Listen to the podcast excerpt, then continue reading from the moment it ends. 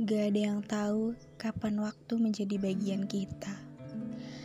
Episode keberapa dari cerita apa? Gak ada yang tahu kapan giliran kita. Tentang suka ataupun duka, waktu tetap menjadi rahasia. Seorang cena yang sekaligus pun belum tentu tahu apa yang akan terjadi. Yang hilang begitu saja, pergi tanpa aba-aba. Datang membawa kabar bahagia, tawa di antara bunga mekar.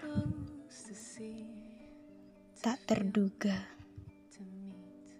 Dan kita tetap berjalan di dalam waktu. Menunggu bagian kapan kita berperan.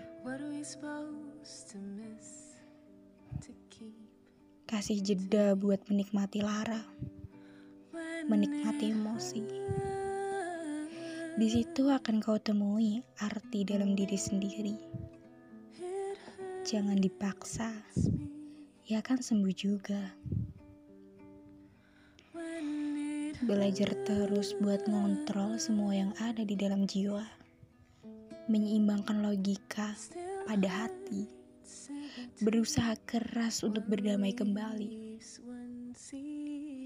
Walaupun berkali-kali buat berhenti bertanya, apa, kenapa, kenapa, dan kenapa selalu memutari otak. Semua hanyalah hembusan angin belaka yang diabaikan yang tidak peduli lagi. Aku tidak bisa memaksa apa yang ada di dalam otak ini bekerja. Manusia harus bisa mengontrolnya. Hidup terus berjalan. Ke mana pun kita berkelana, raga ini akan haus juga dan berhenti sejenak. Melihat kehidupan yang nyata dan gak semua tentang menuju ke depan, lalu banyak uang. Kita diuji, yang serakah akan tetap haus dan merasa tidak tercukupi. Manusia kecil macam kita diberi nikmat bangun esok pagi, bersyukur menghela nafas berkali-kali. Kadang kita bingung apa yang harus kita lakukan lagi. Merasa tidak berguna karena apa yang kita lakukan selalu salah ataupun hal lainnya yang menjengkelkan bagi kita. Selalu merasa tidak berguna. Coba menyalah saja dari pikiran itu. Bersikap semua baik-baik saja. Ubah semua pikiran yang mengganjal. Buang jauh-jauh beban itu.